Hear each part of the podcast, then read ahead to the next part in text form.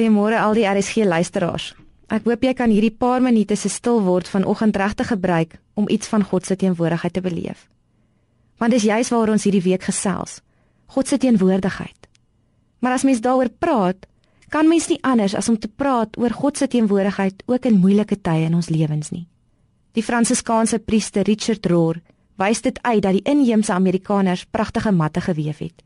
Hulle het dan die tradisie gehad om in die hoekie van die mat daardie mat wat hulle gewewe het, 'n onvolmaakte gedeelte te los. 'n Plek wat vir enige ander persoon van buite soos 'n fout sou gelyk het. Hulle het geglo dat daardie onvolmaakte plekkie, die plek is waar die bonatuurlike magte die mat binnegaan en die mat dan 'n goddelike teenwoordigheid kry. Hoe vreemd so 'n praktyk ook al vir ons mag klink, vertel dit vir ons 'n verhaal wat my baie laat dink aan ons eie lewens. Miskien is jy iemand wat daarvan hou dat dinge in jou lewe altyd volgens plan verloop dat jy jou hoop plaas op goeie tye. Baie geluk en 'n perfekte prentjie wat jy in jou kop het. Verkies ons almal nie maar die lewe so nie. Maar hierdie gebruik van die inheemse Amerikaners het my laat dink aan 'n ander perspektief. Dat God juist dikwels in ons lewens inkom in die onperfekte tye. In die hoekies in ons lewens wat dalk lyk asof dit 'n fout is, asof dit glad nie inpas in ons planne nie. Maar dis juist dan wanneer God die geleentheid kry om regtig in ons lewens te kom werk. Dat hy sy krag kom wys as ons eie krag op ons einde is. Ek lees die volgende onlangs in 'n boek van iemand wat self baie swaar kry beleef het. Hy sê: Dit is in die teleurstellings, in die verwarring, in die pyn dat ek elke keer dieselfde ding sien gebeur, keer op keer. Ek kom aan die einde van myself, aan die einde van my kragte, die einde van my verstaan.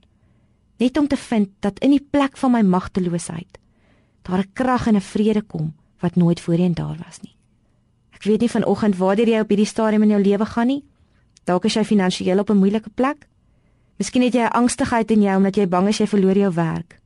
Dalk voel jy gebroken oor jou kind wat deur 'n moeilike tyd gaan. Jy's dan wanneer ons kan weet dat as ons op ons weerlooste is, op ons magtelooste, op ons swakste, dat God ons juis kom wys dat hy teenwoordig is.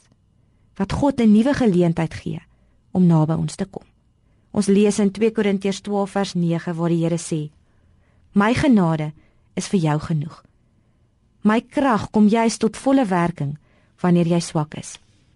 Ons beleef God se krag in ons lewens juis in die tye wat dit swaar gaan.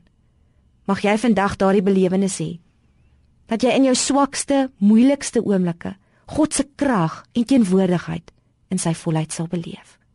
Here, as ons swak is, is U sterk.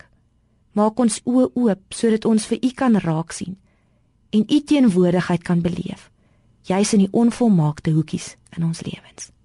Amen.